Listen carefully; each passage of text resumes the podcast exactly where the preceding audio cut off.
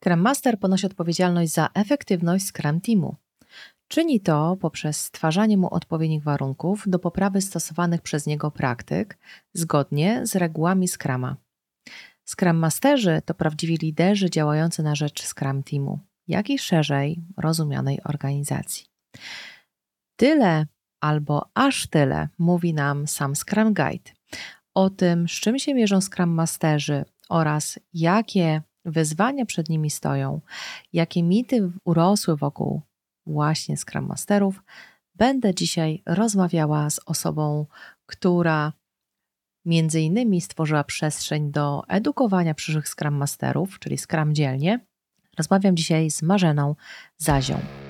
Witaj w moim podcaście IT od kuchni. Jeśli interesują Cię tematy związane z analizą wymagań, tworzeniem wartościowych produktów IT, ale też szeroko pojętym IT, to ten podcast jest właśnie dla Ciebie.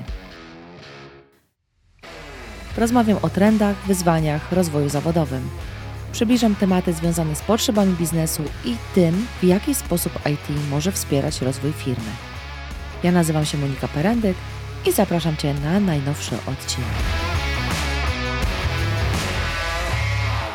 Cześć Marzena, bardzo miło mi Cię powitać w moim podcaście IT od kuchni. Liczę na to, że będziemy mówiły o takich rzeczach, e, o których się mówi w kuluarach tak naprawdę, ale bardzo rzadko brzmią one no, głośno, E, bardzo rzadko chcemy o nich mówić głośno, no bo to jest może niepolityczne, może to nie jest zgodnie z nurtem, który teraz jest e, przyjęty.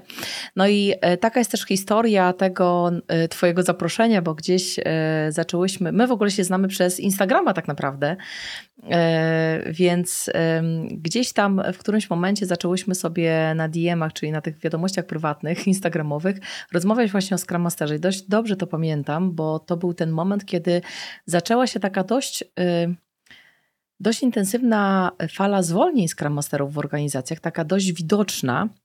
No i tam to był chyba taki trigger do tego, żebyśmy zaczęły sobie trochę narzekać na tych Scrum Masterów, a to narzekanie tak naprawdę było podyktowane tym, żeby się przyjrzeć tej pracy Scrum Mastera, czyli dlaczego teraz firmy no, zaczynają zwalniać Scrum Masterów, dlaczego zaczęto oglądać tą złotówkę, dlaczego e, chcemy w ogóle zatrudnić Scrum Mastera i jak zatrudnić dobrego Scrum Mastera. To generalnie te tematy się wzajemnie ze sobą łączą, więc nie przedłużając, witam Cię jeszcze raz. Chciałabym, żebyś powiedziała moim słuchaczom, ale myślę, że też w przyszłości pewnie Twoim, troszkę o sobie. Czym się w ogóle zajmujesz? Skąd w ogóle tutaj do nas przybywasz? A dzięki Monika za wstęp. I ja nazywam się Marzena Zadziąb. Kilka słów o mnie. Akurat temat Scrum Masterów bardzo mocno mnie dotyczy, ze względu na to, że ja w roli Scrum Mastera albo rolach, które są gdzieś obok, typu myślę o coachu, czy też menadżer Scrum Mastera, e, zespołu Scrum Masterów, pracuję już od wow, dobrych lat bo myślę, że to będzie już koło no, prawie 10 lat. Oprócz tego wcześniej jeszcze w mojej karierze byłam product ownerem, miałam też możliwość bycia project managerem. E, obecnie oprócz tego, że pracuję e, jako e, agile coach, to jestem też akredytowanym trenerem Kanbanu. I to są takie ścieżki, które zdecydowanie bardzo mnie interesują i jak pracować z zespołem, jak pracować z organizacją, żeby faktycznie widać było poprawę tak, ja wcześniej zapowiedziałam, że też e, jesteś e, e, twórcą Scrum Dzielni i to jest takie miejsce, myślę, że naturalne w ogóle dla wszystkich, którzy chcą sprawdzić siebie i swoje umiejętności, w ogóle podnieść swoje kompetencje i umiejętności, jeśli chodzi o ścieżkę rozwoju Scrum Mastera, więc tutaj serdecznie zapraszamy do zapoznania się z programem. Wiem, że już on w tym roku, a jest rok 2023, nagrywamy prawie, że z początkiem listopada, końcówka października, już druga edycja, tak? Z tego co pamiętam. Tak, druga edycja jest. właśnie rusza, już mamy dobrane pary, to jeszcze dwa słowa powiem. Faktycznie nie pomyślałam, że jeszcze jest Scrum Dzielnia. E, Scrum Dzielnia to program mentoringowy. W tym roku nie tylko skupiliśmy się na e, Scrum Masterach czy Agile Coachach, ale też właśnie na innych rolach zwinnych. Też otwarliśmy ścieżki dla product ownerów, otwarliśmy ścieżki dla zwinnych menadżerów i faktycznie widać, że mamy pierwsze pary mentoringowe. Tak, następna, następna edycja myślę, że będzie na pewno bo dostajemy bardzo pozytywny, fajny feedback, ale to przyszły rok, więc tak, można śledzić już teraz. Tak, to serdecznie zapraszamy nie tylko na Instagramie, ale myślę, że w linkach tutaj e, też możecie znaleźć pod tym odcinkiem podcastu. No dobrze, e, to tak tytułem wstępu może zacznijmy od trochę początku, no bo sama nazwa Scrum Master w pierwszym swojej członie zawiera to magiczne słowo Scrum. Więc chciałabym, żebyśmy sobie tutaj poopowiadały, a dokładnie żebyś ty rozpoczęła tą dyskusję, czy Scrum Master to w ogóle tylko Scrum i skąd ten Scrum Master się e, w ogóle e, wziął w organizacjach? I, I to jest w ogóle niesamowite pytanie, bo tak bardzo często jest rozumiane, że Scrum Master jest równoznaczny ze Scrumem. I teraz przytoczę od razu historię z jednej firmy, jak dołączyłam, akurat dołączałam tam e, jako menadżer Scrum Masterów, ale w pierwszym dniu, jak już byłam w kuchni, poznawałam ludzi, poznawałam e, deweloperów, usłyszałam od razu pytanie: A po co ty tu jesteś? My nie robimy skrama. Nie będziemy robić skrama. I bardzo fajna dyskusja się wywiązała, i cieszę się, że to był moment, w którym w ogóle padło to pytanie bo od samego początku mogłam wytłumaczyć tą rolę, że to nie jest tylko i wyłącznie tak, że Scrum Master jest e, i tak też jest często rozumiany Scrum Master, wchodzi nam do zespołu, wchodzi do firmy i to jest ta osoba, która o, przyszła, będzie nas uczyć, będzie nam mówić, co robimy źle i będzie nas na siłę wciskać w ramy skramowe. No właśnie nie, to jest zrozumienie, które często występuje. E, natomiast to jest zrozumienie, które pojawia się w organizacjach, które same nie do końca wiedzą, czego potrzebują od tego Scrum Mastera. I to jest właśnie taki problem, z którym środowisko agile'owe próbuje walczyć właśnie przez edukację. Często pozbywamy się tego problemu jako zespoły Scrum Masterów przez próbę nazwania tej roli inaczej, żeby ona stricte nie kojarzyła się tylko ze Scrumem. Natomiast to, co jest istotne, to właśnie Scrum Master to nie tylko Scrum. W Scrum Guide pierwsza linijka, która jest odnośnie Scrum Mastera, to jest, że Scrum Master ponosi odpowiedzialność za to, aby Scrum był stosowany zgodnie z tym, co zostało opisane w tym przewodniku. I większość ludzi zatrzymuje się na tej linijce. E, skupia się tylko na tym, ok, mamy Scrama, on musi być odpowiednio wdrożony e, w naszej firmie i bardzo mocno ciśnie tylko i wyłącznie w ten jeden framework. Natomiast jeżeli popatrzymy sobie już na kolejne punkty, to możemy zauważyć, że Scrum Master ponosi odpowiedzialność za efektywność Scrum Teamu, czyli ogólnie za efektywność zespołów. Więc tutaj już jest dużo więcej kompetencji potrzebne niż tylko znajomość 14-stronicowego Scrum Guide'a, którego chcemy wdrożyć, ale tak naprawdę w jaki sposób to zrobić, to jest zupełnie inna historia, która ponosi ze sobą masę najróżniejszych e, kompetencji.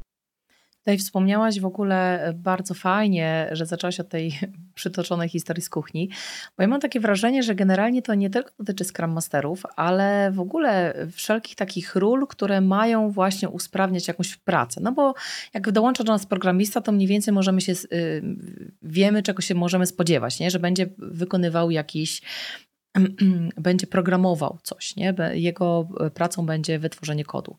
Jak dołącza tester czy testerka, no to też wiemy, że no raczej będzie coś testować. Nie? I jej wynikiem pracy czy jego wynikiem pracy będzie raport z testów. E, jak już dołącza analityk, no to mniej więcej wiemy, że musi wytworzyć jakiś dokument, na podstawie którego ten zespół będzie coś tworzył. Natomiast zaczynają się schody, jak dołączy na przykład facylitator, nie wiadomo, kto to jest. Scrum Master, no to a, Scrum Master, my nie mamy Scruma, więc tutaj jest duży problem. Agile Coach i w ogóle coach y, w jakiejkolwiek innej formie to już jest w ogóle e, nie wiadomo, kto to jest. E, I wydaje mi się, że tutaj problem, który, który y, poruszasz, to jest ten problem tego, że do firmy dołącza jakaś osoba, ale firma, a dokładnie pracownicy w tej firmie, nie do końca są uświadomieni, że taka osoba ma w ogóle do nas dołączyć w jakimś momencie. Gdzieś zupełnie przypadkowo na korytarzu spotykamy jakąś nową twarz. No może teraz w biurach to jest rzadziej, ale spotykamy jakąś nową twarz. Nie kojarzymy takiej osoby, no więc zaczynamy naturalnie pytać, nie? I właśnie ta scena, o której ty, ty wspomniałaś. Później jest taki naturalny opór, no bo weszła jakaś nowa osoba, która potencjalnie gdzieś ten mózg gadzi nam się odpala, czyli potencjalnie stanowi dla nas zagrożenie, bo pewnie to jest osoba, która będzie, tak jak powiedziałaś, będzie sprawdzała, co my robimy źle. Nie, że będzie dla nas wsparciem, tylko będzie sprawdzała, co, co, co robi źle, nie?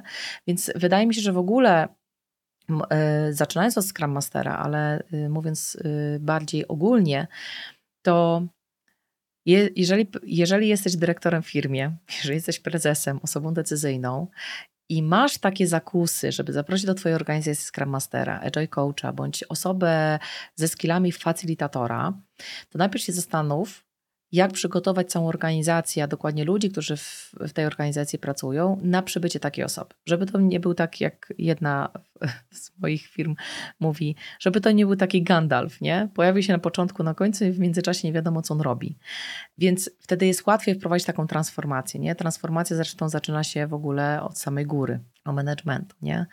E, każda osoba, która dołącza, szczególnie Scrum Master, to nie jest człowiek z magiczną różdżką, który, wiesz, pozmienia te krasnoludki, nie? Bo wyłapuje wszystkie, wszystkie problemy, tylko to jest osoba, która jest osobą, która ma służyć. I to jest myślę, że takie, y, taka pierwsza, pierwsza taka rzecz, jeżeli, y, która wyróżnia takiego dobrego Scrum Mastera, bo zaraz chcę przejść do tych największych mitów, ale y, ja pamiętam jak spotkałam takiego Scrum Mastera z prawdziwego zdarzenia i dla mnie uderzającym było to, że tak jak w takim serialu New Amsterdam, pierwsze jego pytanie, w czym mogę ci pomóc? I dla mnie to było mega uderzające, że jakby ta proporcja w ogóle pracy była zupełnie inna, nie? Że to była osoba, która powiedziała, ja jestem tutaj po to, że ja jestem tylko narzędziem, jestem po to, żeby cię wesprzeć, po to, żeby ci ułatwić tą pracę, po to, żeby nauczyć cię pewnych elementów, wyposażyć cię pewne narzędzia. Nie, nie załatwiać za ciebie, tylko wyposażyć cię w narzędzia, nie? Do pracy. To ja ci powiem, że z punktu widzenia właśnie takiego Scrum Mastera i osoby, która według mnie um, jest dobra na tej roli, to jedno z pierwszych pytań, które pada, to jest jeszcze po co? bo bardzo często pojawiają się sytuacje, w których to organizacja zatrudniając Scrum Mastera decyduje, na który level, na który poziom chce go wpuścić do siebie. Jeżeli pod y, mianem Scrum Mastera szukamy osoby, która będzie administratorem zespołu, będzie pilnować, czy na przykład zespół przychodzi na spotkania, organizować je i wszystkich tam zapędzać, to to jest ten poziom, gdzie ten Scrum Master będzie. Natomiast dobry Scrum Master zacznie się pytać po co. I jeżeli ktoś mu zacznie każe, y, czy powie, w tym zespole naszym musimy sobie wdrożyć Scrama, to będzie chciał zrozumieć, z czego to wynika, ta potrzeba, jakie są problemy za tym, które próbujemy rozwiązać, że wiemy, że właśnie ten framework skramowy jest najlepszym frameworkiem, który nam w tym konkretnym przypadku pomoże.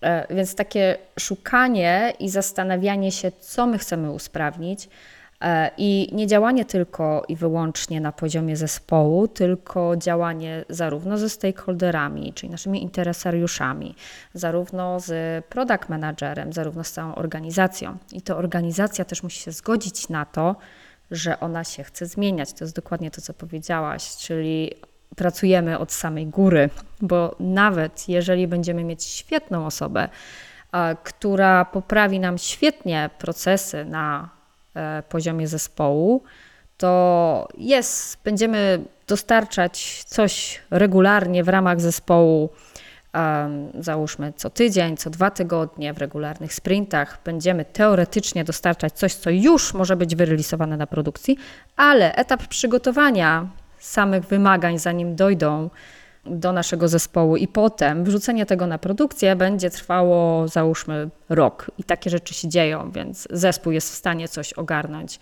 w tydzień do dwóch tygodni, natomiast cały proces zajmuje rok, więc taka lokalna optymalizacja w takim momencie zupełnie nic nie daje z punktu widzenia naszych klientów końcowych. Ja pamiętam, e, tak jak o tym mówisz, to mi się od razu przypominają dwie sytuacje. Pierwsza sytuacja, kiedy do zespołu dołączył Scrum Master i ja tak nie do końca jakby rozumiałam, dlaczego on w ogóle dołączył. Znaczy, z czego wynika ta potrzeba, że nagle stwierdzono, że Scrum Master to będzie najlepsza osoba. Tym bardziej, że trochę facylitatorów mieliśmy, więc jakby, jakby tak nie, nie czułam w ogóle skąd taka potrzeba tego Scrum Mastera. No ale stwierdziłam, że okej, okay, podejdźmy do tego otwarcie. I pierwsze pytanie, które zadałam temu Scrum Masterowi, mówię, słuchaj, czy potrzebujesz przeprowadzić yy, sprawdzenie poziomu dojrzałości w zespołach, nie? I nie zapomnę jego miny, która mówiła jedno: Ja nie wiem, o czym ty do mnie mówisz. W sensie zrobił wielkie oczy. Więc ja, dla mnie to był taki znak, yy, ponieważ ja pracuję też jako facylitator, to był, dla mnie to jest taka podstawa totalna, bo ja muszę, tak jak ty powiedziałeś, na tych poziomach, nie? Ja muszę w ogóle zobaczyć, jakby y, z, z jaką materią mam do czynienia, w sensie ten zestaw zespołowy, co to jest za poziom czy y, nad którymi obszarami ja muszę bardziej popracować, czy ich tak faktycznie poprowadzić, czyli być takim przewodnikiem totalnym, bo oni są tak zakotwiczeni w pewnych procedurach, procesach, że jak im nie pokażesz palcem, to oni po prostu sami na to nie wpadną, czyli muszą wyjść, w ogóle y, wchodzimy na ten poziom zmiany mindsetu, tak, bo agile zawsze zaczyna się w głowie, nie zapominajmy. Możemy mieć piękne narzędzie, tak jak powiedziałaś, możemy pięknie, teoretycznie, nie? Odprawiać ceremonię, ale nie widzieć sensu. No to chyba tutaj największym mitem, do którego myślę, że dojdziemy, to są słynne stand-upy, nie? Trzy pytanka, okej. Okay. Nic, nic nie wiemy więcej niż to, co widzieliśmy przed wejściem, ale no zrobiliśmy, nie? Jest czek. Brak, y, brak takiego wewnętrznego poczucia, że potrzebna jest retrospekcja, nie? No po co, to jest kolejne, a nie, no po co, no przecież wiem, że jest źle, to po co to robić, nie? Jakby nie mamy na to czasu, nie? Tutaj dużo, dużo, no i tutaj jest ta rola Scrum Mastera, która powinna tutaj powiedzieć, ej, słuchajcie, coś tutaj nie działa, skoro wy nie czujecie potrzeby, żeby rozmawiać, to coś tutaj kuleje, nie? To pamiętam właśnie pierwszą taką sytuację, z, z, tym, z takim zderzeniem właśnie, że Scrum Master został e, zaproszony. Nie? A druga sytuacja e, w innej organizacji była taka, że wchodzę, bo mam zrobić taki, nie, nie lubię tego słowa audyt, tylko miałam jakby zobaczyć, jak pracują w Scrumie. Tam ja jestem odpowiedzialna akurat za, za tą sekcję, za ten odcinek z wymaganiami związany. No i tak wchodzę na ten planning, co, planningiem nie jest. Wchodzę w ogóle na mm, jakiekolwiek spotkanie, gdzie to nie wiadomo w ogóle, w którą stronę to idzie. I ja takie pierwsze pytanie, które zadałam osobie decyzyjnej, mówię, a kto wpadł na taki genialny pomysł, żeby dla tak niedojrzałej grupy, bez Scrum Mastera w ogóle, zaproponować Scrum? Jakby skąd, skąd, te, skąd ten pomysł, nie? No bo my chcemy zwinnie.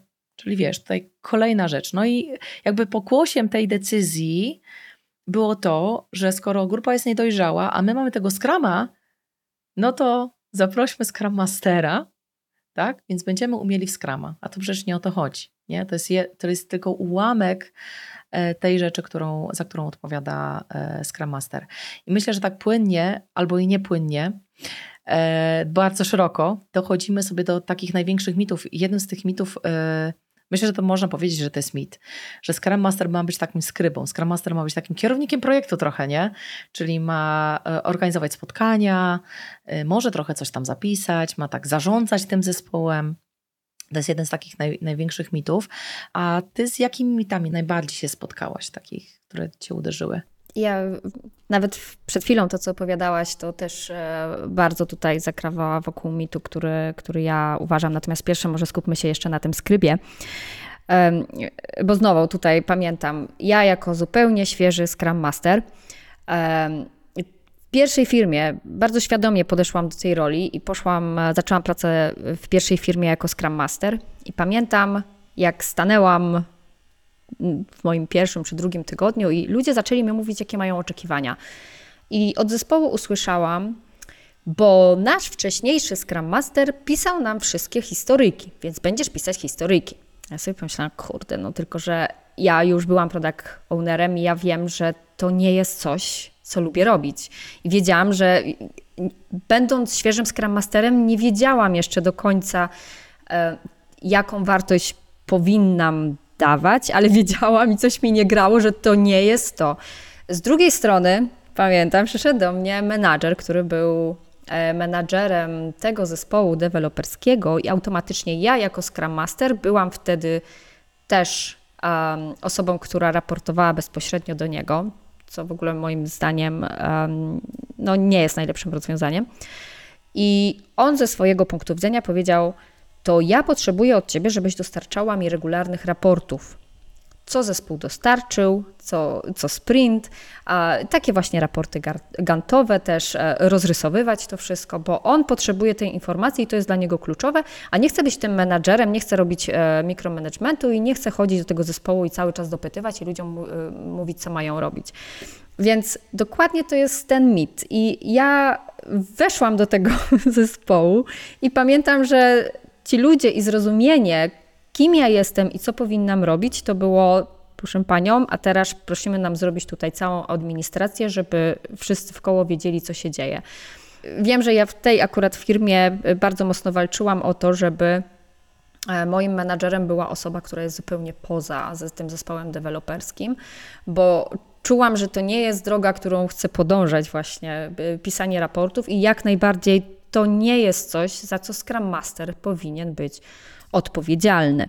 E, natomiast to jest przypadłość e, świeżego Scrum Mastera, który wchodząc w taką rolę, często nie jest świadomy tego tak naprawdę, gdzie on daje tą wartość i czasem łatwiej rzucić się na jakieś takie małe rzeczy, które można dostarczać temu zespołowi, żeby też czuć, że dostarcza tą wartość, że coś robi, że, że, że faktycznie jest przydatny w tej roli. I to jest właśnie mit, który, e, który dla mnie jest taki bardzo, e, ja go obserwuję i taki bolący trochę, że ludzie myślą, że rola Scrum Mastera jest, e, może być rolą zupełnie początkującą w IT.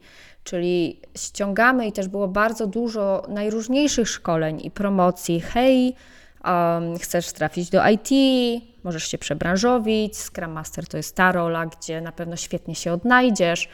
Um, I e, była taka fala, że bardzo dużo osób zaczęło właśnie w ten sposób e, pracować. Natomiast bez dobrego przeszkolenia Scrum Masterów, którzy właśnie wpadają na samym początku w tę pierwszą swoją rolę i nie wiedzą, co tak naprawdę jakie powinni mieć kompetencje, co powinni robić, kończy się tym, że właśnie y, wchodzą w takie buty i skryby, i takiej osoby, która tu coś zrobi, tam coś zrobi, będzie na tych spotkaniach, posłucha, spróbuje rozwiązać jakiś problem, bo przecież wszyscy wiemy, że ten Scrum Master jest po to, żeby rozwiązywać problemy. Czasem będzie je rozwiązywać celowo za zespół, chociaż zespół jak najbardziej powinien być odpowiedzialny za niektóre problemy i um, no i właśnie wskakuje. I, i dla mnie to jest mit, że ta rola to jest ok dla osób, które mm, są na początku swojej drogi kariery w IT.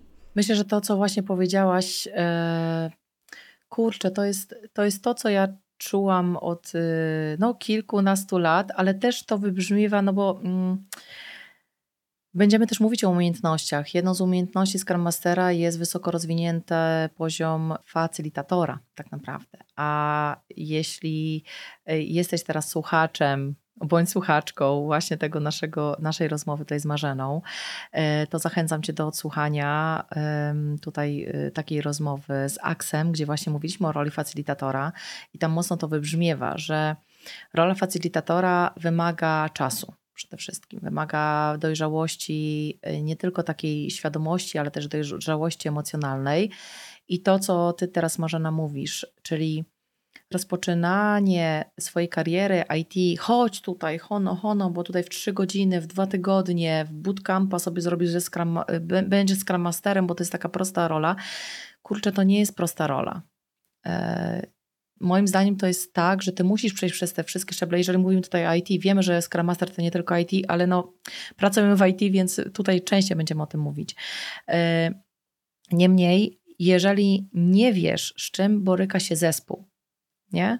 Nie wiesz, nie masz jakiejś takiej e, roli wyznaczonej, nie wiem, no przecież programista może być Scrum Masterem gdzieś w którymś momencie, bo czuje, że to jest to, co go spala. Sama zresztą przed, przed chwilką powiedziałaś, że byłaś product ownerką i jakby no wymagania to nie jest to, na czym się spalam, nie? Na czym zrobić zrobię, jak ktoś się tam nie rzuci, ale jakby to nie jest moja droga, nie?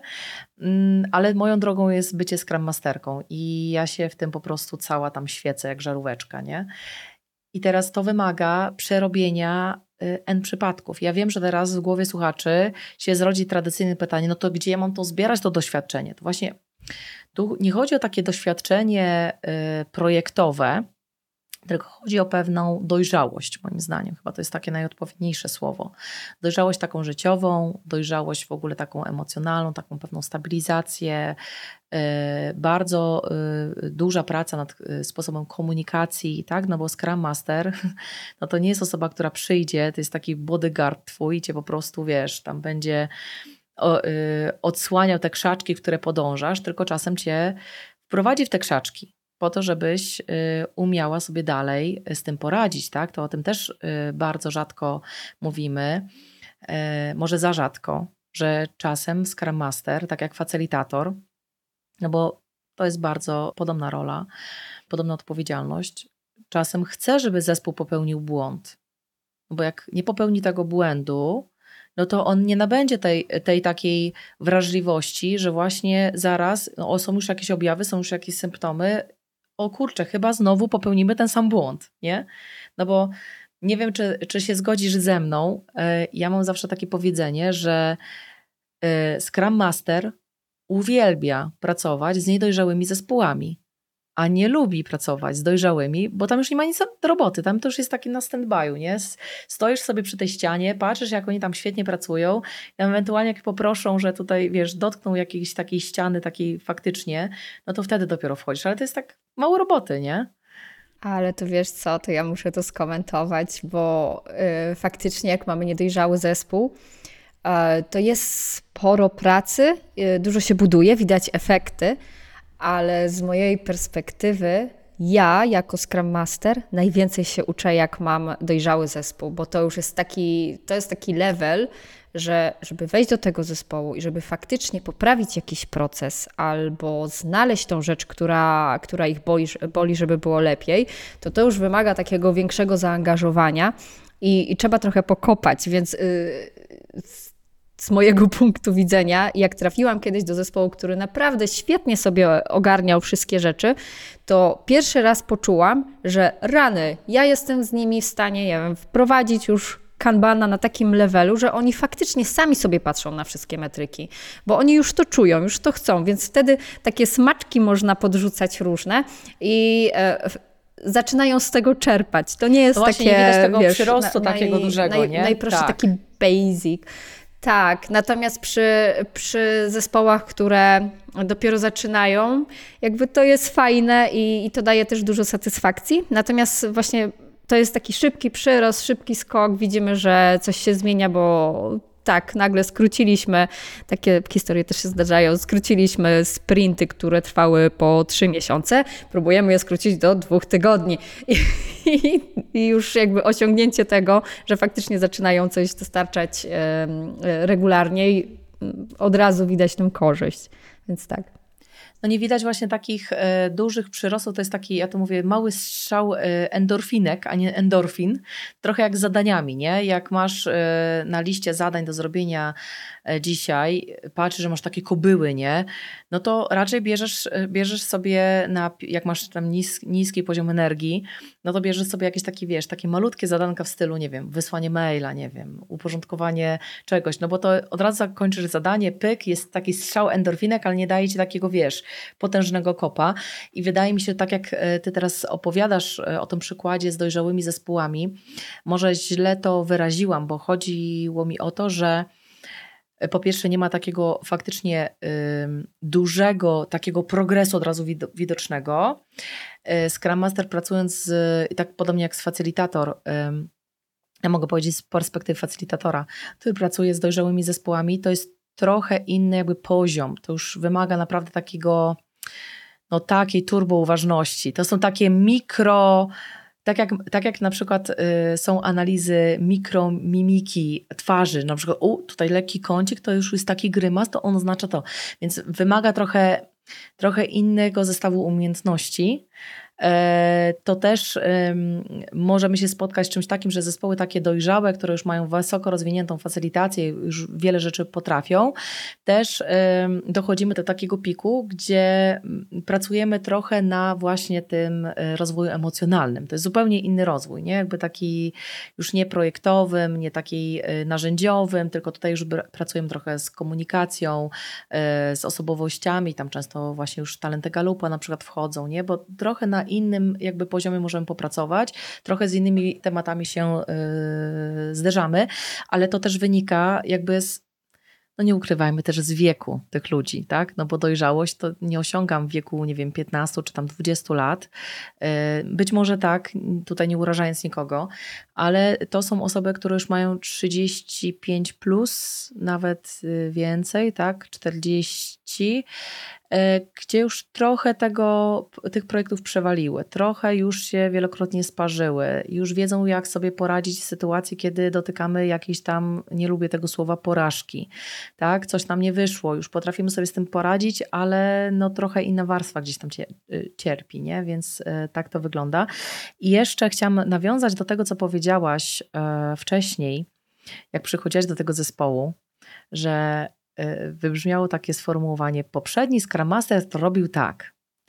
I myślę, że to jest też bardzo ważne, bo ja to widzę akurat w historyjkach, ale to jest temat na inny odcinek, żeby tutaj już nie po, pogłębiać tego tematu i nie odbiegać od osi. Ale trochę też tak jest, że jeżeli pierwszym Scrum Masterem, z którym mamy do czynienia, jest taka osoba, której wydaje się, że tak powinno to wyglądać, i, y, i zespół jest y, niedojrzały albo y, jest na tym poziomie drugim, czyli już trochę dostrzega pewne paterny, dostrzega pewne zależności, ale nadal nie ma tej, tego, tej wiedzy bazowej, nie wie jak ten Scrum Master powinien pracować, nie wie czego od niego wymagać, no to najłatwiej nam jest po prostu wziąć to, co było do tej pory, w miarę się sprawdzało, było nam fajnie, jeszcze to jest nasza strefa komfortu też w ogóle, no i powiedzieć, no to Marzena, to my chcemy tak. No jak coś dorzucisz od siebie, już będzie, to, to będzie dobrze, ale żeby nie było gorzej niż, niż to, co mieliśmy wcześniej. Więc chciałabym tym jakby sformułowaniem też przejść do takiego wątku właśnie, czego możemy oczekiwać od Scrum Mastera, e, bo myślę, że to jest w ogóle taki kurczę, dość trudny temat, nie? No bo jeżeli e, wrócimy sobie do początku dyskusji, jeżeli firma nie wie, do czego chce wykorzystać tego Scrum Mastera, jaka ma być jego rola, po czym poznam, że on dobrze pracuje. No po czym poznam? No nie jestem w stanie poznać, bo sama nie wiem, czego od niego wymagać. No i teraz mamy ten zespół, nie? do którego dołącza Scrum Master. No i teraz po czym tak naprawdę, czego mogę oczekiwać od tego Scrum Mastera? Już wiem, że na pewno nie robienie notatek, to wiemy, nie pracowanie z wymaganiami, ale czego mogę oczekiwać? Jak w ogóle z nim rozpocząć pracę? Um, ja sobie myślę, że coś, co mi osobiście pomaga w pracy, bo w tym momencie pracuję jako Agile Coach, a co nie zmienia faktu, że w sumie jest to tak samo rola Scrum Mastera. E, natomiast ja bardzo często wchodzę do zespołów e, na kilka miesięcy. E, albo to są zespoły, które przychodzą i po prostu mają konkretny problem do rozwiązania, podpytują się mnie. I, i to jest bardzo fajna współpraca takiego nawet bardziej konsultanta.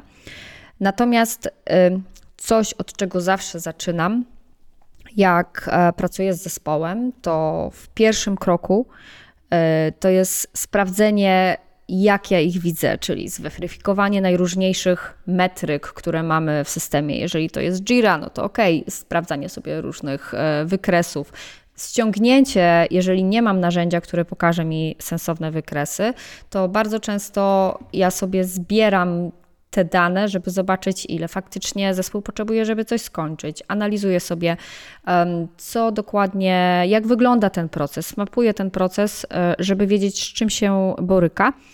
I jeżeli ja sobie skończę to taki pierwszy etap przygotowania, to wtedy bardzo jasno nie tylko pokazuję te problemy, które ja widzę, bez owijania o, większego w bawełnę, E, ale definiuje też moją rolę.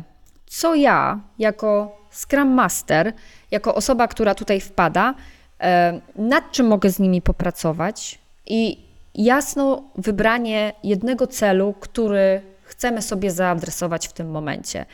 Um, takim przykładem może być, jeżeli smafowaliśmy ostatnio proces z jednym zespołem, zebrałam od nich ich problemy, które mają i e, z ich strony Najbardziej problematyczny był etap przychodzenia do nich wymagań, bo one przychodzą i właściwie już mają być wszystko na już. Więc jakby usystematyzowanie nawet nie tyle tej pracy w samym zespole, czyli patrzenie sobie na sprinty, tylko nasz cel na najbliższy kwartał ustaliliśmy, że to jest właśnie ten cały okres przed. Co się wydarza i jak możemy sobie tutaj pomóc w tym zespole, żeby on odpowiednio wcześniej dostawał takie wymaganie, żeby to nie było zawsze wszystko oznaczone na czerwono, że to musi być już. I jeżeli mamy Scrum Mastera, który właśnie działa sobie tak e, rozmyślnie wie i też dzieli się swoimi um, obserwacjami odnośnie zespołu, to to jest na pewno wartościowe dla zespołu. I, I pod tym też poznamy Scrum Mastera, że to nie jest osoba, e, Scrum Mastera, który robi fajną robotę, że to nie jest tak, że on gdzieś tam cały czas jest w tym zespole i tutaj liźnie trochę, jedne, nie wiem, poprawi facylitację w spotkaniu, tutaj trochę liźnie jednego tematu, tylko faktycznie jest w stanie dostarczać e, pewne rezultaty, które pomagają potem e, jakiś, rozwiązać jakiś konkretny problem albo poprawić, przenieść ten zespół na kolejny level, e, e, że tak powiem, dojrzałości takiej zwinnej, że zaczynają dostarczać coś bardziej iteracyjnie, dostarczają jakąś wartość. To mogą być najróżniejsze rzeczy, bo to też może dotykać e, na przykład tego, że w zespole nikt jest nieaktywny, nie ma żadnej odpowiedzialności w zespole, więc dotykamy tutaj zupełnie wtedy inny temat, nie procesowy, tylko bardziej taki międzyludzki, czyli jak wtedy wyciągnąć z tych ludzi, żeby oni zaczęli ze sobą rozmawiać, żeby zaufali sobie nawzajem, żeby wymienili się gdzieś tą informacją zwrotną i żeby zaczęli być w tym otwarci. Więc w zależności od tego, jaki gdzieś jest problem, to ten mm, Scrum Master może właśnie w ten sposób e, pomagać. I z czym przychodzić do, do Scrum Mastera, czego oczekiwać, oprócz takich samych celów, gdzieś definiowania tych celów e, i skupiania się też na jednej, maksymalnie dwóch rzeczach, jak on pracuje z zespołem, a nie wszystko naraz, bo nie widać żadnych efektów, to trzeba zawsze pamiętać, że Scrum Master to nie tylko sam zespół, tylko wszystko, co jest naokoło. Więc jeżeli my mamy w zespole product ownera, ownera albo product managera i on ma problem ze swoimi interesariuszami albo z klientami, na przykład nie wie w jaki sposób zrobić e, testy swoich funkcjonalności, albo jak zaplanować eksperyment produktowy. No przecież to też są rzeczy i obszary, w których e, jak najbardziej Scrum Master może pomóc. Nawet jeżeli nie ma tej wiedzy, to jakby w jego y, odpowiedzialnościach też jest zdobycie tej wiedzy i pomoc tej osobie, więc jakby to dotyka bardzo różnych obszarów i niestety y, ludzie, którzy są naokoło zespołu, czasem nie wiedzą, że mogą tak naprawdę przyjść do tego Scrum Mastera, bo dotykamy sobie mitów, że ten Scrum Master to w sumie nie wiadomo, e, co robi, jest e, mało doświadczony i to jest ta osoba, która będzie nam prowadzić e, tylko spotkania i nic więcej. Ten Scrum Master powinien mieć masę najróżniejszych skilli, między innymi właśnie informacje i wiedzę na ten temat, jak, jak radzić sobie z odpowiednim zarządzaniem backlogiem, e, w jaki sposób rozmawiać z interesariuszami, jak w ogóle się komunikować. Więc tam jest naprawdę bardzo dużo odpowiedzialności, kompetencji, które ten Scrum Master może wnieść. Natomiast ze względu na to, że postrzegamy go, postrzegamy go jako skrybę, jako osoba, która tylko pojawia się i prowadzi spotkania, to nawet nikomu czasem nie przychodzi do głowy, żeby iść i zapytać się takiego Scrum Mastera o radę. Kurczę, wiesz co, jak y, tak słucham, y, jak tak super opowiadasz o tym Scrum Masterze, to wiesz co, to brzmi jak taki opis takiego dojrzałego rodzica. Naprawdę. Ja z uwagi na to, że sama mam dziecko, to może mi łatwiej znaleźć taką analogię, no bo to jest dla dziecka taki pierwszy naturalny kierunek, kiedy czegoś nie wiem, nie? Mamo, dlaczego chmury są niebieskie? No dobra, jestem po fizyce, to mniej więcej wiem, nie? To jestem w stanie odpowiedzieć. Czyli mam tą wiedzę dziedzinową, bo mam doświadczenie. Ale jeżeli nie wiem, no to ja mówię, ok, to poszukajmy, tak? Poszukajmy odpowiedzi. Jak mogę, właśnie, jak mogę Ci pomóc, nie? Albo mogę y, poszukać tych kompetencji wewnątrz zespołu, może ktoś wie i tutaj szukamy tych kompetencji, tak jak trochę w Wikipedii, nie? Że to nie jest najlepsze źródło wiedzy, wiemy. Y, albo szukamy tych kompetencji na zewnątrz, bo problem y, istnieje, on sam nie zniknie. Moim zdaniem to jest właśnie chyba taka najlepsza. No nie chcę, żeby teraz popaść w drugą stronę, nie? że tam e, rodzic to jest e, Scrum Master no nie, i wszyscy jesteśmy rodziną, bo wiemy, że nie. Tylko chodzi o to, że faktycznie to jest taka osoba, do której naturalnie powinien, powinnam się zgłosić, jeżeli z czymś mam problem i potrafię sobie z nim poradzić. To znaczy, yy, może nie tyle, że jestem nieporadna, tylko nie wszystkie moje znane techniki już zawiodły. Jakby szukam czegoś, może, może jest szybsza droga, może coś tam się uda. No bo wyobrażam sobie taką sytuację, ja z uwagi na to, że jestem analityczką, no to gdzieś tam wokół tych wymagań, wyobrażam sobie taką sytuację, że mogę mieć jakieś, e, jakieś wyzwanie związane z wymaganiami. No nie wiem, trudny interesariusz, właśnie y, może za dużo tych wymagań, które muszę opracować w bardzo krótkim czasie, przygotować dla zespołu. Brak wiedzy technicznej też może mnie dotykać, bo zmieniam na przykład technologię, nie? Jak teraz ostatnio zmieniam technologię, no to ja no totalnie, ja w ogóle nic nie wiedziałam, nie? Tutaj programiści do mnie mówią jakimś klingońskim, a ja w ogóle nic nie rozumiem, nie?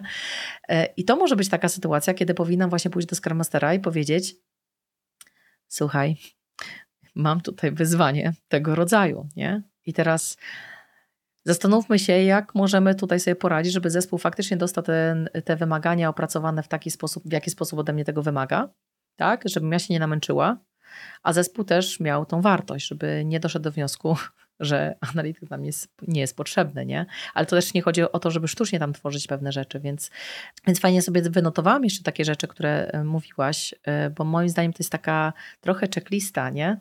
Czyli pierwsze, czy Scrum Master sprawdził, e, z czym mierzymy się jako zespół?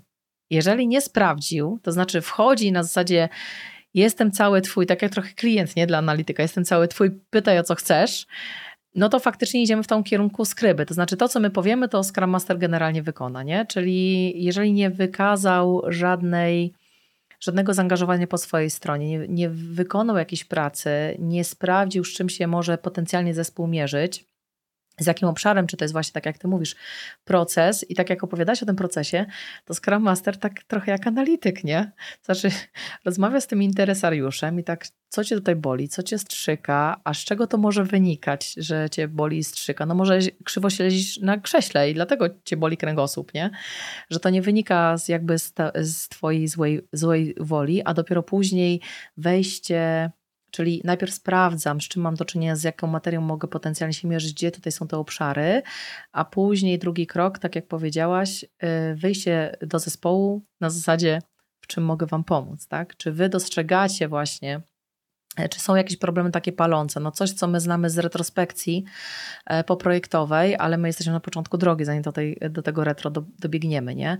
I tu myślę, że też e, wiele Scrum Master może e, wyłuskać informacji na temat samego zespołu, bo jeżeli widzimy po estymatach, nie? widzimy w ogóle po raportach, po wskaźnikach, że no tam nie do końca się dobrze dzieje, a zespół mówi, że generalnie nie ma żadnych problemów, no to tutaj widzimy, że może być problem właśnie tak jak ty powiedziałeś, z otwartością, a to nie dlatego, że ja nie chcę się podzielić, tylko że ten problem leży gdzieś głębiej. Nie? I najpierw trzeba się tam dokopać do tego problemu, nie? z czego to może wynikać. To y, często jest jeszcze tak, znaczy tak jak ja obserwuję pracując z zespołami, że y, mają jakiś swój tryb pracy, który mają już od x lat, um, i nawet jak widzą jakieś problemy, to oni nie do końca te zespoły wiedzą, jak go zaadresować.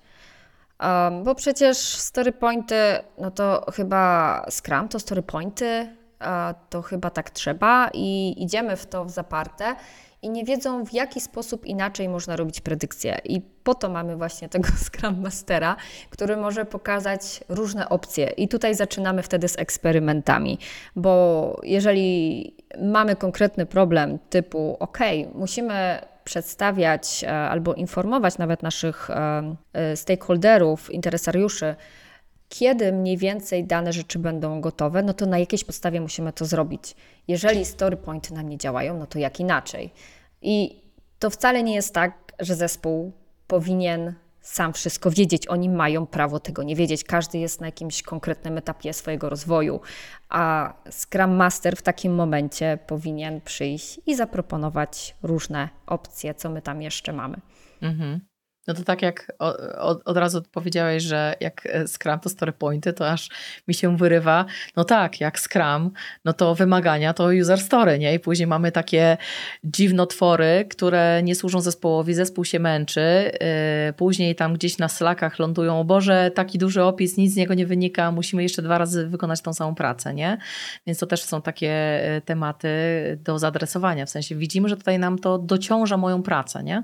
Mhm. Dlatego właśnie Scrum nie dla samego Scrama. Tak. I, I później, jak mamy takiego niedoświadczonego Scrum Mastera, który nam wejdzie do zespołu, no to i nie zrobi sobie, nie przeanalizuje, jakie są problemy, to pójdzie właśnie z tym pierwszym, pierwszą linijką opisu Scrum Mastera ze Scrum Guide'a i powie, no to wdrażam Scrama. Tylko ten Scrum tam, mhm. no kompletnie w żaden sposób nie pasuje i jeszcze będzie go wdrażał na zasadzie bez spojrzenia na wartości, bez spojrzenia na to po co. I na zespół tylko też, nie? uruchamiamy mhm. Tak, tylko uruchamiamy same mechanizmy, które są opisane w Scrum Guide, bo tak jest najprościej. I czasem to jest ok, jeżeli potrzebujemy wpaść w pewne rutyny i dopiero zaczyna, zaczynamy, ale jeżeli mamy doświadczony zespół i nagle wchodzi Scrum Master i, i wrzuca takie rzeczy, to oczywiście, że zespół będzie, będzie go challenge'ował i będzie się zastanawiał po co i będzie mu zadawał pytania i finalnie nie będzie chciał z nim współpracować, bo wdrażanie Scrama będzie po prostu sztuczne. Mhm. E, tak jak powiedziałaś właśnie e, o tej dojrzałości, o tym, że, że gdzieś tam naturalnie ten Scrum Master wybiera tą ścieżkę taką, która dla niego jest najwygodniejsza, tak? E, to od razu mi się przypomniała taka reklama, którą ostatnio widziałam na Facebooku. I mówię, ale idealnie pod naszą rozmowę, bo była taka reklama właśnie, wejdź do IT, jeśli lubisz zarządzać projektami, to zostań Scrum Masterem. Ja mówię, no genialne, po prostu hasło reklamowe, nie?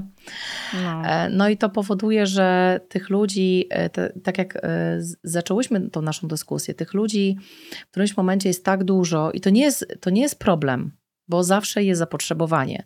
Tylko jakość pracy takiej osoby, której wydaje się, że wykonuje swoją pracę poprawnie, no nie jest taką jakością, y, która przynosi nam wartość dla organizacji.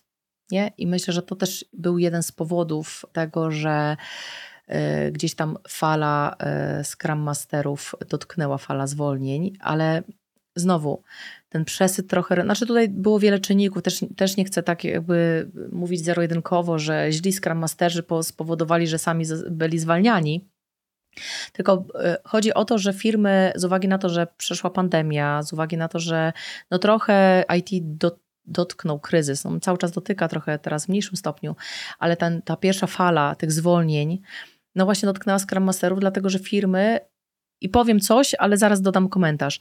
Firmy nie widziały wartości w posiadaniu Scrum Mastera. Nie? No to teraz, jeżeli ja zwalniam Scrum Mastera i to jest mój pierwszy kierunek, pierwszy mój krok, bo jak szukam y, gdzieś oszczędności, no to mówię, no Scrum Master w sumie po co nam? No to znaczy, że tutaj problem leży gdzieś głębiej, znaczy problem leży w organizacji, w braku świadomości i tego, po co w ogóle zatrudniam tą osobę. I znowu chcę, chcę podkreślić, jak ważne jest w ogóle rekrutowanie jak, jakiejkolwiek osoby, jakiegokolwiek specjalisty. Jeżeli ty nie masz pomysłu na, ta, na tą osobę, w organizacji, chcesz ją po prostu zatrudnić, no bo wiesz, no bo tak jest fancy, nie? Wszyscy zatrudniają Scrum Masterów, wszyscy, trend. nie? Jest trend, no dawaj, jedziemy, nie? Kto tam ma być tym Scrum Masterem? Dobra, tam zobaczymy, yy, kogo rekrutują inni, weźmiemy prawie ten sam opis i bam, będziemy mieć Scrum Mastera, efekt Mamby, wszyscy mamy Mambę, mam i ja, powinnam dostać te same rezultaty, ale jestem inną organizacją, nie? Mam inne problemy, innych ludzi przede wszystkim. Yy, to jeżeli ja podchodzę jako organizacja w ten sposób, że przecież mamy okres próbny, trzymiesięczny, czy tam powiedzmy dajmy sobie pół roku, ale przez te pół roku ja też nie wykazuję żadnego zaangażowania jako organizacja, to znaczy ja, ja nie chcę wprowadzić żadnych zmian, które są rekomendowane przez Scrum no to to nie ma prawa się udać. Znaczy uda się tylko w, w sytuacji, kiedy Scrum Master, taki dojrzały, powie słuchajcie, tutaj moja rola się skończyła, w sensie, no to jest taka blokada, że jakby wiecie, jakby moje możliwości się tutaj e, skończyły. I chciałabym um, o dwóch rzeczach porozmawiać, pierwsze, bo tutaj bardzo często y, przewija się Agile Coach i Scrum Master. Chciałabym, żebyś tutaj powiedziała, jakie są, y, kiedy powinniśmy kogo zatrudnić, o może, albo poprosić o pomoc bardziej, o wsparcie. E, ale też chciałabym powoli wejść też trochę w ścieżkę rozwoju Scrum Mastera, w ogóle od czego zacząć, bo to też jest bardzo, bardzo ciekawe, bo wspominałaś na samym początku, że to powinna być prawie wisienka na torcie, e, a nie może, może niekoniecznie pierwszy krok, jeżeli chce się przebranżowić, chce wejść do IT, no bo naturalnie, nie zapominajmy, naturalnie gdzieś tam tym najwięcej Scrum Masterów na metrze kwadratowym jest właśnie w IT. Nie? Więc zacznijmy może od tego, jak Kogo poprosić o pomoc? Agile Coacha czy Scrum Mastera i w jakich sytuacjach? Jakie są te różnice? Mhm. Y, fajnie, więc ja w ogóle jeszcze e, odniosę się szybciutko, bo y, nie chciałabym, żebyśmy skończyli ten odcinek dzisiejszy ze stwierdzeniem, że świeży Scrum Master, ktoś początkujący to jest zła osoba. Każdy tak naprawdę e, przechodzi przez pewne etapy podczas swojego rozwoju. I e, pracowałam jako mentorka z dziewczynami, które e, weszły na swoją pierwszą rolę jako Scrum Master, e, Scrum Masterka i do, dobrze sobie dają radę i tak samo znam ludzi, którzy niekoniecznie kończyli techniczne kierunki i też sobie świetnie dają radę w tej roli. Natomiast to już jest właśnie gdzieś kwestia tej motywacji, co chcemy robić, czy dalej się rozwijamy i faktycznie wchodzimy głębiej, czy zostajemy gdzieś bardzo powierzchownie. I e, tak jak wspomniałam siebie, moja pierwsza rola, e, jak byłam Scrum Masterem, jak ludzie ode mnie oczekiwali rzeczy, a ja nie do końca wiedziałam, czego tak naprawdę chcę, mi wtedy bardzo pomogło nasze community, społeczność Scrum Mastera, która zbudowała się z czasem, bo ja byłam pierwszym Scrum Masterem w tej firmie, potem przychodziły kolejne osoby i jeżeli końcu, jak miałam osoby, od których mogę się uczyć, z którymi mogę sobie omawiać poszczególne sytuacje, które mam w zespole, e, które też mi pokazują i trochę mentorują to, co mam robić, albo ktoś do mnie przychodzi po fachu i um, patrzy sobie na to, co robię i daje mi swoje komentarze, to momentalnie mój rozwój skoczył. Więc bycie na samym początku drogi Scrum Mastera jest ok. A wchodzi się wtedy bardzo w takie rutynowe rzeczy, w, bo człowiek musi się nauczyć, nawet e, w samych facylitacji spotkań, robienia warsztatów, wszystkiego musimy się nauczyć. I wtedy Najlepiej, jeżeli mamy kogoś, kto nas wspiera na bieżąco i z kim możemy sobie e, e, właśnie rozmawiać i nas trochę kieruje, więc bycie początkiem z Scrum Masterem jest ok. Jaka jest różnica między Agile Coachem i, i Scrum Masterem? Kiedy jest potrzebna jedna osoba, a kiedy druga? I ja tutaj od razu skomentuję, że dla mnie jedna i druga rola to jest dokładnie to samo. Dlaczego? Ponieważ nawet odwołując się znowu do 14-stronicowego Scrum Guide'a, możemy tam zobaczyć, że ten Scrum Master jest odpowiedzialny za zmiany w organizacji oraz za, za współpracę zarówno z interesariuszami, jak i product ownerem, jak i zespołem. Czyli to jest agent zmiany, który jest tak naprawdę powinien być odpowiedzialny za całość. Natomiast z czego wynika to, że mamy dwie role? Mamy, mamy Scrum Masterów i mamy Agile Coachy. Wynika to z tego, że firmy po prostu w którymś momencie potrzebowały sobie to rozróżnić, ponieważ nie do końca powiedziałabym, że chciały albo dawały mandat Scrum Masterowi na to, żeby pracował z całą organizacją. I w którymś momencie właśnie zrobiły się podziały. Sama tego doświadczyłam, jak byłam menadżerem Scrum Masterów. Było tak, że e, C-level rozmawiał ze mną i wszystko chciał mi zlecać, a jeżeli chciałam ściągać Scrum Masterów, którzy naprawdę byli mega doświadczeni, to już pojawiał się problem. I e, tak samo na przykład wchodząc do mojej obecnej firmy, w której pracuję, weszłam na rolę coacha i momentalnie mam wrażenie, że ludzie do mnie inaczej podchodzą niż jeżeli mam w tytule Scrum Master. Więc dla mnie jedna i druga rola to jest to samo.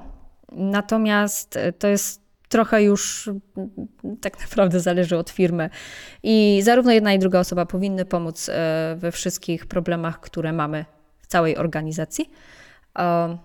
Natomiast tak, chcemy rozwijać Scrum Masterów w firmie, więc tworzy się takie właśnie ścieżki kompetencji i do czegoś trzeba dążyć. Mhm. I zanim przejdziemy do ścieżki rozwoju, e, myślę, że warto tutaj e, przypomnieć, e, że znowu wybrzmiewa to, co powiedziałaś na samym początku. Czyli jak wchodzimy do organizacji jako Scrum Master, jako Agile Coach, ważne jest to, bardzo ważne, żeby jakby zdefiniować tą rolę, zakres tej roli naszej organizacji, nie? żeby każdy wiedział, ok, jeżeli mam taki rodzaj wyzwania w swojej pracy, to wiem, że to jest taka osoba, do której powinnam e, pójść. Bo ja sobie wyobrażam taką sytuację, kiedy mamy i Agile Coacha, i Scrum Mastera, czy Scrum Masterów, czy Agile Coachów, bo tutaj w zależności od wielkości organizacji to też różnie wygląda. Ja pracowałam, współpracowałam z dużym bankiem, gdzie tam w ogóle się śmiałam, że nawet e, agile coachowie e, mają swoje stoliki, przy których jedzą osobno, bo tak się odseparowują od całej organizacji.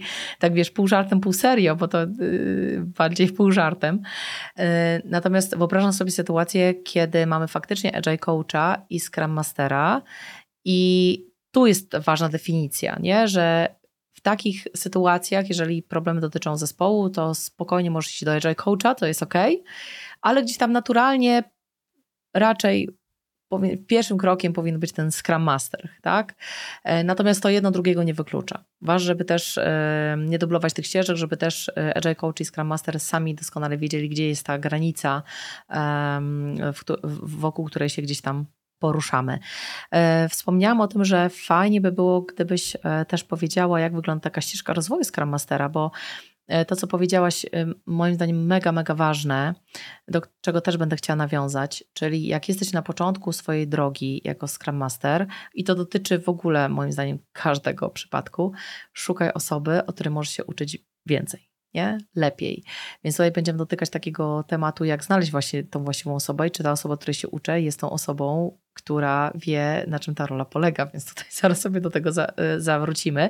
Natomiast jak wygląda w ogóle taka ścieżka rozwoju Scrum Mastera, jakbyś mogła tak powiedzieć y, do takiej osoby, która mówi, mmm, Scrum Master to chyba jest ten kierunek, w którym chcę się rozwijać, ale nie wiem od czego zacząć w ogóle.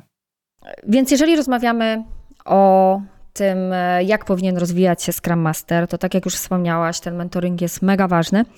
E, znalezienie sobie kogoś, e, kogoś, kto będzie starszy stażem i dokładnie już wie i przeszedł pewne etapy.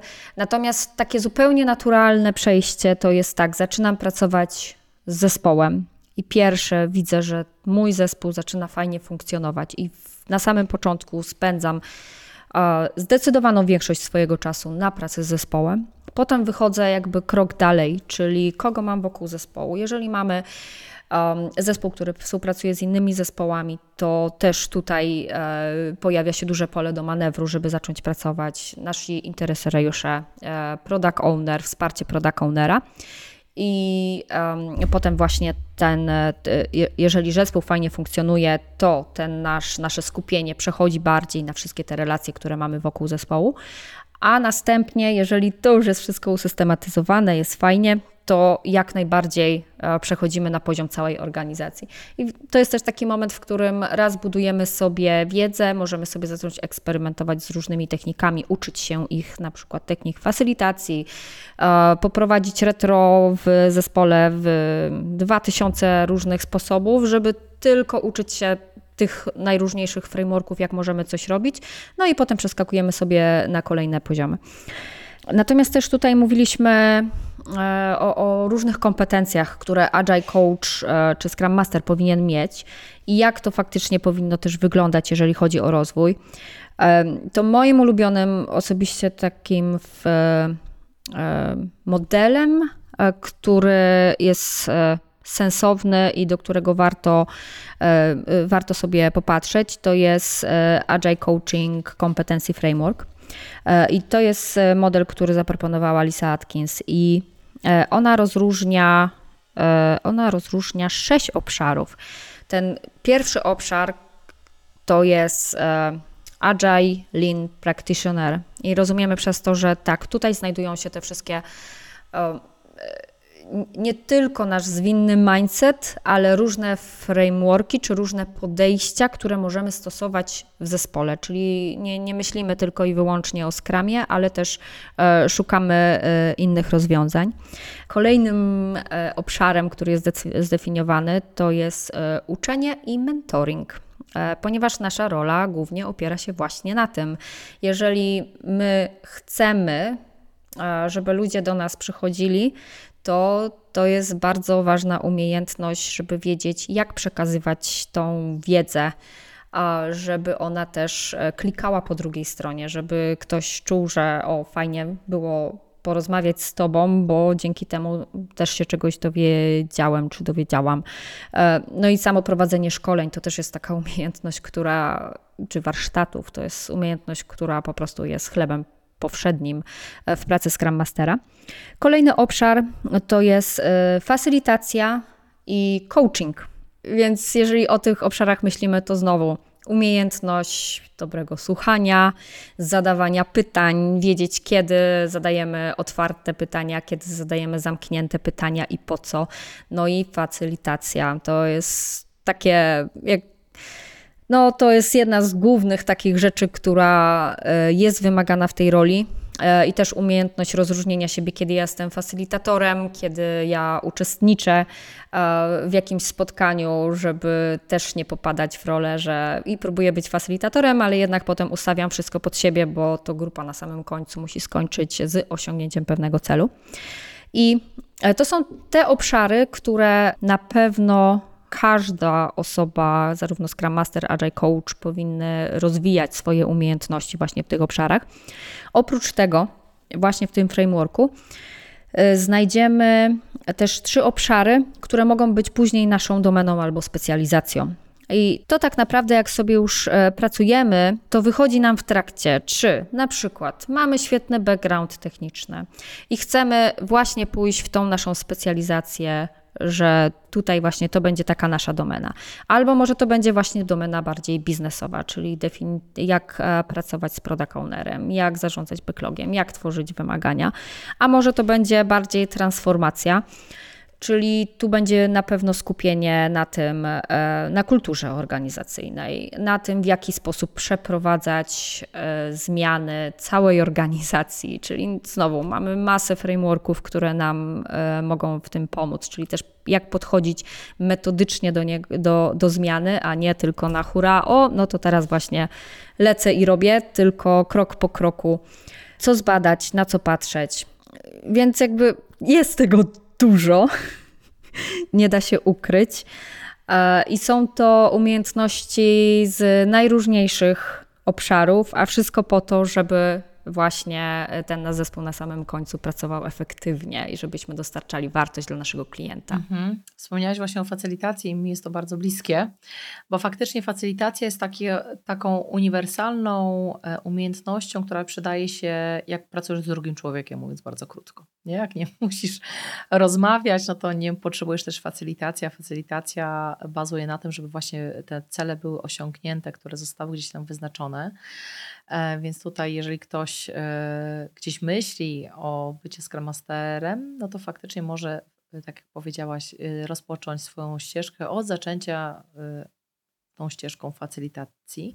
Natomiast myślę, że rzeczą, która jest warta podkreślenia, to jest to, że Scrum Master to nie jest scyzoryk szwajcarski. Czyli to nie jest osoba od wszystkiego, ma bardzo dużo umiejętności, natomiast nawet ten scyzoryk szwajcarski ma najbardziej potrzebne elementy, nie? To nie jest tam, że masz wszystko, tam wiertarki też nie masz, nie? Ale masz coś, może nie jest to narzędzie, z którym będziesz na co dzień, ale masz e, coś pod ręką. Bo tutaj wspomniałaś właśnie o specjalizacjach. Myślę, że to też e, warto bardzo podkreślać i w ogóle mówić coraz głośniej, bo my mamy taką wizję, tak mi się wydaje, ale może się mylę, że jak mamy Scrum Master, to tam stawiamy na końcu kropkę. Jakby tutaj się kończy temat, nie? A to jest Scrum Master, który specjalizuje się w jakiejś dziedzinie. To, to, tak jak w każdym zawodzie, nie? Że mm, tak jak patrzę na swój zawód, czyli jestem analityczką, moją domeną jest głównie domena bankowo-leasingowa, leasingowa to jest moje takie y, najczęściej y, w, tej, w tym obszarze pracuję. Natomiast mam wystarczające umiejętności, bo one są uniwersalne, żeby wejść w nową domenę. Tylko, że wiadomo, że tutaj trochę więcej czasu będę potrzebowała, żeby zdobyć tą wiedzę domenową, czyli tak około miesiąca czasu potrzebuję, no chyba, że ChatGPT jest w stanie mnie tutaj wesprzeć, jeżeli mamy do tego e, po prostu zasoby, tak? Nie tworzymy czegoś nowego. Więc to jest moim zdaniem bardzo ważne, czyli jeżeli ja poszukuję Scrum Mastera do swojej organizacji, to kurczę, muszę też wpisać e, ten obszar, w którym my się jako organizacja posługujemy, bo wtedy oczywiście to, że dostanę Scrum Mastera tego dobra, początkującego, no to nie zatrudni początkującego, jeżeli nie ma żadnego swojego Scrum Mastera u siebie w organizacji. Zobacz, jakie to jest cenne dla samej organizacji, ile tutaj już możemy wyciągnąć informacji. Czyli jeżeli szukasz swojego pierwszego Scrum Mastera, to mierz wysoko. Tak? I tutaj Marzena powiedziałaś, e, czym się charakteryzuje ten Scrum Master, który mierzy wysoko, nie? Czyli zobacz, nawet z tego modelu kompetencji możesz sobie zbudować, yy, mówię do ciebie, osobą, która podejmujesz decyzje w organizacji w tym zakresie, możesz zbudować sobie taką matrycę, jakiej kompetencje potrzebuję, ale dopasowując je do swojej organizacji. Bo jeżeli mam Scrum Mastera już po swojej stronie, mam może facylitatora, który bardzo dobrze zna domenę, to ja spokojnie mogę yy, ściągnąć też z ciebie Scrum Mastera, dlatego że podrasujemy trochę te elementy umiejętności facylitacji, ale też będę potrzebował, potrzebowała kogoś, kto też tą domenę e, mu e, Scrum Masterską, byśmy powiedzieli, i agile'ową też będzie rozwijać, nie? Więc to, to są moim zdaniem budowanie takich fundamentów, nie? W organizacji. Ja się tutaj bardzo mocno z Tobą zgadzam, że osoba, która chce zatrudnić Scrum Mastera, musi się zastanowić po co. Um, bo tak jak mówimy o różnych naszych domenach, to ja na przykład świetnie czuję się, jeżeli chodzi o wdrażanie e, Kanbana, świetnie czuję się, e, jeżeli mówimy o budowaniu warsztatów, facylitacji, o transformacji, ale takiej transformacji, że ja bardzo dobrze znam różne frameworki, jak do tego podchodzić. Mam ze sobą mam sporo przykładów, zarówno pozytywnych, jak i negatywnych, kiedy nam kompletnie nie wyszła zmiana. Więc tutaj mam zbudowaną tą swoją ekspertyzę. Natomiast y, jeżeli ktoś by mi powiedział, że hej, potrzebuję skalować Scrama, i no to to jest taki obszar, w który ja na przykład nie wejdę, bo pomimo tego, że zrobiłam różne szkolenia, wiem, że to nie jest moja domena. Mogę eksperymentować, mogę to zrobić, ale najprawdopodobniej zasugerowałabym, żeby do tego poszukać kogoś innego, bo ja jednak wolę i bardziej interesują mnie metryki, bardziej interesuje mnie przepływy i, i flow niż e, skalowanie i zastanawianie się, jak tego skrama jeszcze pociągnąć, żeby właśnie wdrożyć go w całej organizacji przy pomocy czy to Lesa, czy Safe'a, mhm. Nexusa. Wypisałam sobie też, żeby mi nie umknęło. Powiedziałaś e, taki przykład, że przychodzi e, firma i mówi, chce skalować sobie Scrama. Generalnie wydaje nam się, że ten Scrum u nas działa, powiedzmy, i chce go wyskalować, nie? I myślę, że to też jest takie ważne, że jeżeli nie ma tej otwartości po drugiej stronie, to znaczy po stronie tej organizacji, czyli spotykam się z taką Marzeną i Marzena mówi mi, ok, ja do tej pory tego nie robiłam, mam skille Scrum Mastera, Agile Coacha i jestem w stanie wyeksperymentować pewne rzeczy. Możemy y, założyć pewien eksperyment. No, ten eksperyment może się zakończyć, wiemy jak, zawsze na jeden z dwóch sposobów. Y, jeżeli tutaj firma mówi, ok, znaczy nie mamy innej opcji na stole i jesteśmy na to otwarci, to myślę, że to jest też ok. To znaczy takie, wiesz, wypoziomowanie się, nie? Że jasne, nie oczekujemy cudów, też jesteśmy na to otwarci, popracujemy, zobaczymy, nie? Natomiast z drugiej strony, jeżeli y, firma dostaje, i to jest też bardzo ważne, i to świadczy o pewnej dojrzałości, że jeżeli Scrum Master czuje wewnętrznie, że to nie jest jego domena, i kompletnie nie jest w stanie na tym etapie organizację wesprzeć, bo co innego jak wiesz, mam umiejętności uniwersalne i czuję, że jestem w stanie wesprzeć, no to jakby inna, inna retoryka jest wtedy, nie? Ale jeżeli nie jestem w stanie wesprzeć i powiem to otwarcie, no to moim zdaniem to, to świadczy o bardzo wysokiej dojrzałości danej osoby, tego Scrum Mastera w szczególności, czy, czy coacha, nie? A z drugiej strony jeszcze wspominałaś, że nie wyszła nam zmiana. Ja już naprawdę oczami wyobraźni widzę, jeżeli organizacja właśnie nie wie, po co nam ta osoba, dlaczego, czego mogę oczekiwać od tej osoby, no to też powinnam gdzieś z tyłu głowy mieć, że z tym naszym zespołem, jakby w takim zestawieniu zespołu, w takim zestawieniu domeny, w takim zestawieniu agile coacha, scrum mastera, facylitatora, no całego otoczenia, tak jak wielokrotnie podkreślałaś, to też może się nie udać, bo ja mogę mieć eksperta, ja o tym nagrywam ostatni odcinek, że ja mogę mieć eksperta, najlepszą osobę, po prostu wiesz, no top of the top. Ja ją ściągam do organizacji i jestem zdziwiony, zdziwiona, że to nie pykło. Nie? I teraz ważne jest to, żeby teraz się zastanowić, dlaczego tak do tego, znaczy dlaczego do tego doszło, jakie czynniki miały wpływ na to, żeby jakby budować tą świadomość, że jeżeli nie chce na przykład współpracować z daną osobą, z takim Scrum Masterem, bo może faktycznie nie tylko kompetencje, ale generalnie no nie ma jakiegoś takiego flow i chce zatrudnić kogoś innego, to już będę wiedziała, kogo na pewno nie chcę. Tak jak ty powiedziałeś na początku. Ja chcę być takim Scrum Masterem, ja mogę to robić, ale naprawdę nie chcę robić tych wymagań, naprawdę. Czyli budowanie tej świadomości, że na pewno tego nie chcemy. Znaczy chcemy uniknąć takiej sytuacji, w której, bo już to doświadczyliśmy, już przeszliśmy przez tą drogę, nie? I robienie tego samego eksperymentu w ten sam sposób, z tym samym zestawem ludzi i oczekując innego rezultatu, no to wiemy, wiemy, co jest na końcu, nie? Więc tak, taka refleksja mi przyszła e, do głowy, jak właśnie mówiłaś o tym skalowaniu. Tym stanie, staniecie w prawdzie chyba to tak, powinniśmy fachowo to nazwać, nie? Że tak bardzo e, coachingowo.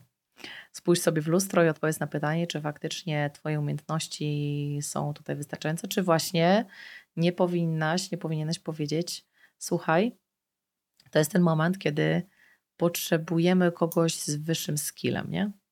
Mm, to też zależy od tego, czy właśnie Scrum Master coś chce robić. Ja pamiętam, że kiedyś byłam na świetnej rozmowie rekrutacyjnej, cudownie mi się rozmawiało. Też e, był przypadek, że ta transformacja czy zmiana, ona będzie bardziej.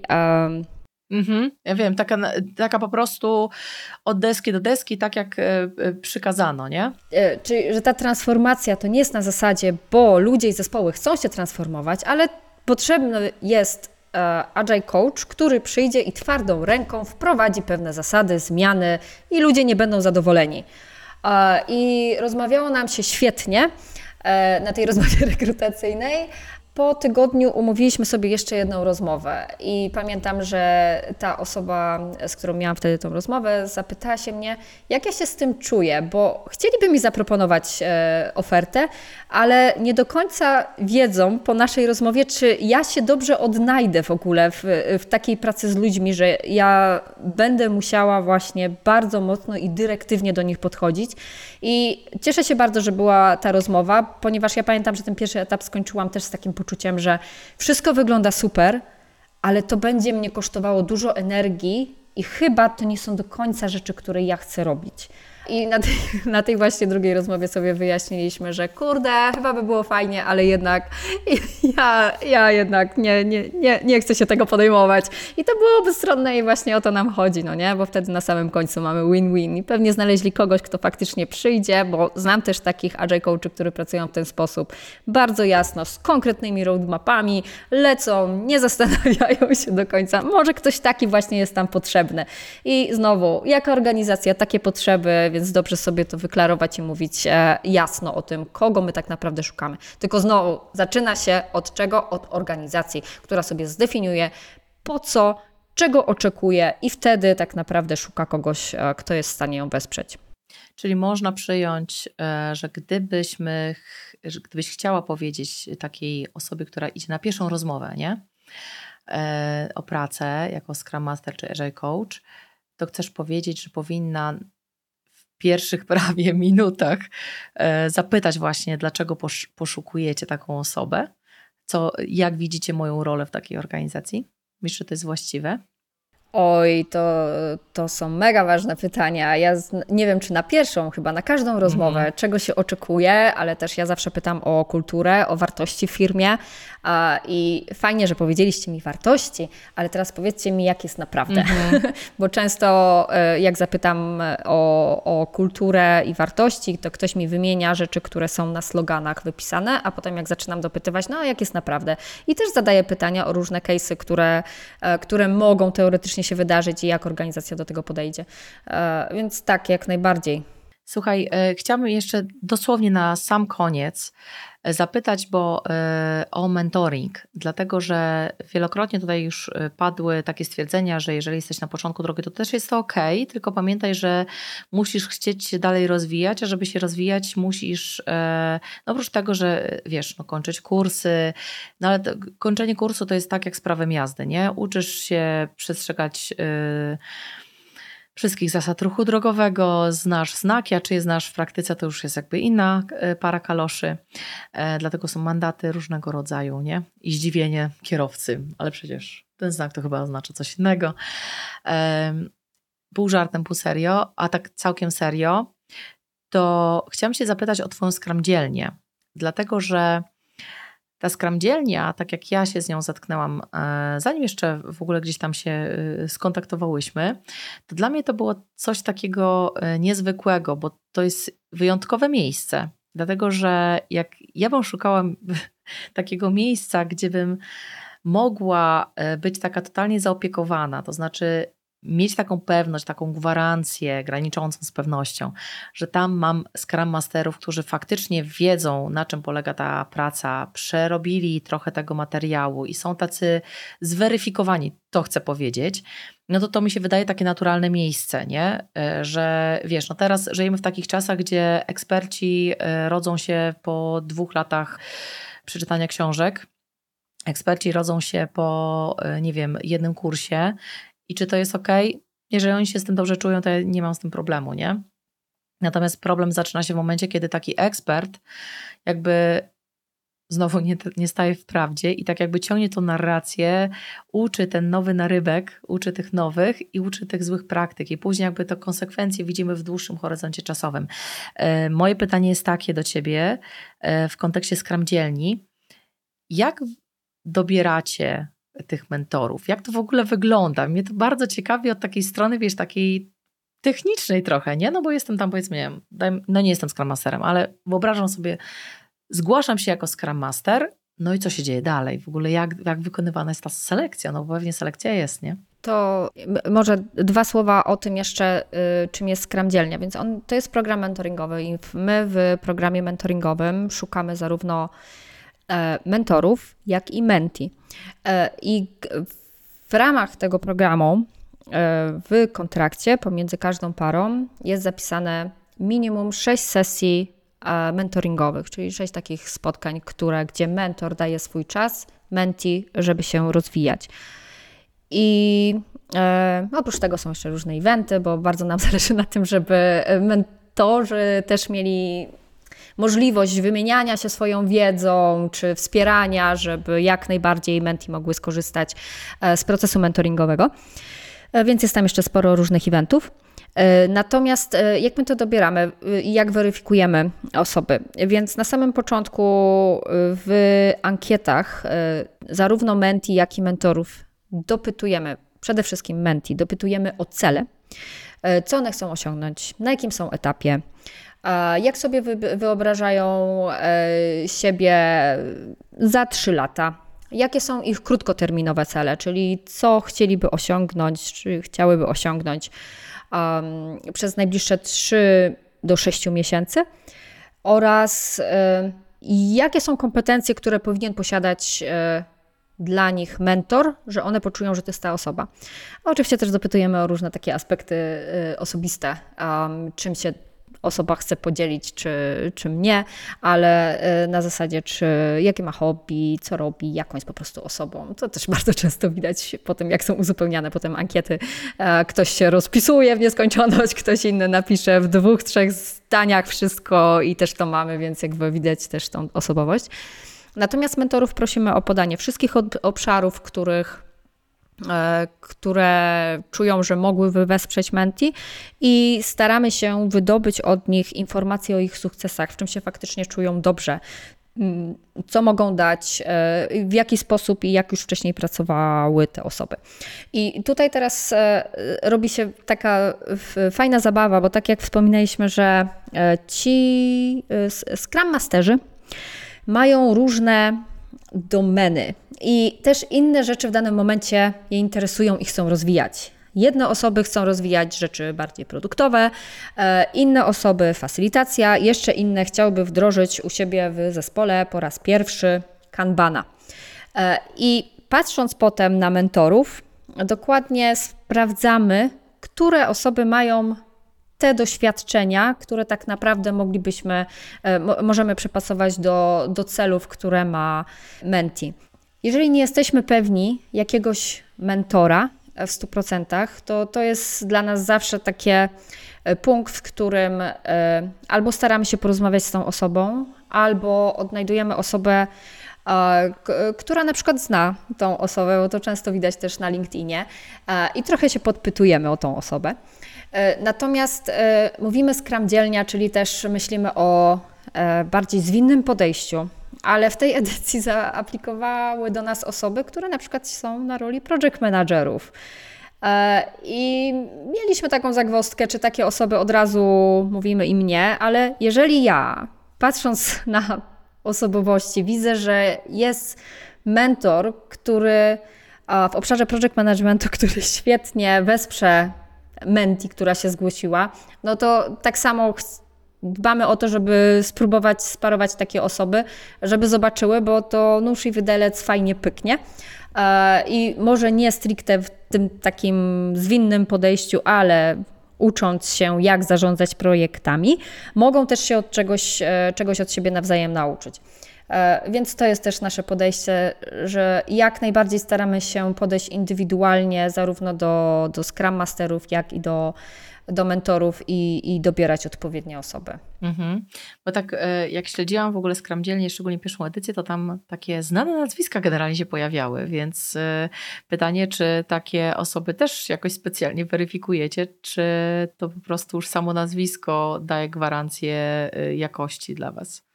Jeżeli mówimy o świecie agile'owym, to akurat ja, zarówno jak i Marcin Lelek, z którym organizujemy Scrum dzielnie, my bardzo często jesteśmy na najróżniejszych e, konferencjach czy Agile Coach Campach i my też znamy się między sobą. E, więc jeżeli tak, mam znane nazwisko, już nieraz z jakąś osobą rozmawiałam, to też dużo łatwiej jest mi potem przypisać e, menti, bo będę, wiem i czuję, z kim ta osoba mogłaby fajnie się e, spiąć. Ja akurat w Galupie moją główną, pierwszą supermocą jest individualization, czyli właśnie to bezpośrednie się, takie podejście do jednej. piątkę, bo ja też mam na pierwszym, na pierwszym miejscu. Dlatego, dlatego ja na przykład w takim dobieraniu ja się czuję dobrze. I ja też tak samo pracując z zespołami, też wiem, że zawsze podchodzę bardzo um, do nich i szukam tego, czego oni potrzebują. Więc mam czasem takie wrażenie, że ja po prostu czuję mhm. i patrzę czasem na jakieś, e, e, jakieś zgłoszenia, które mamy i po prostu od razu widzę, że mi to pyka. więc, więc tak. No tak, tak, bo w indywidualizacji e, fajne jest to, że my patrzymy na ogół, ale patrzymy też na tą jednostkę i dla nas ta jednostka też jest bardzo mhm. ważna, nie? Dlatego nie, nie mamy problemu z doborem prezentów na święta, bo zawsze są trafione, nie? zawsze się śmieję.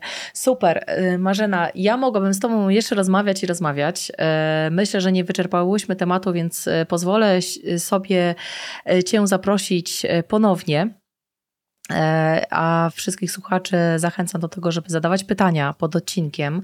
Jak zbierzemy sobie tutaj pytania z obszarów, które tutaj z tego tematu odcinka Was zainteresowały, które chcielibyście, żeby tutaj Marzena rozwinęła, e, to zachęcam. Tutaj z Marzeną się ponownie uda, mam nadzieję, nam e, dograć termin, żeby zrobić e, kolejny odcinek, trochę bardziej pogłębiony. Natomiast ten cel, który miałyśmy na ten odcinek, czyli trochę porozmawianie o tym Scrum Masterze, jak on w ogóle się powinien odnaleźć w rzeczywistości organizacyjnej, ale też wspomnienie troszkę o organizacji jako takiej, która musi dobrze się przygotować do nadejścia tego Scrum Scrum Mastera, a nie po prostu tylko e, zatrudnienie Scrum Mastera, oczekując, że będzie, wiesz, wszystko porozwiązywane.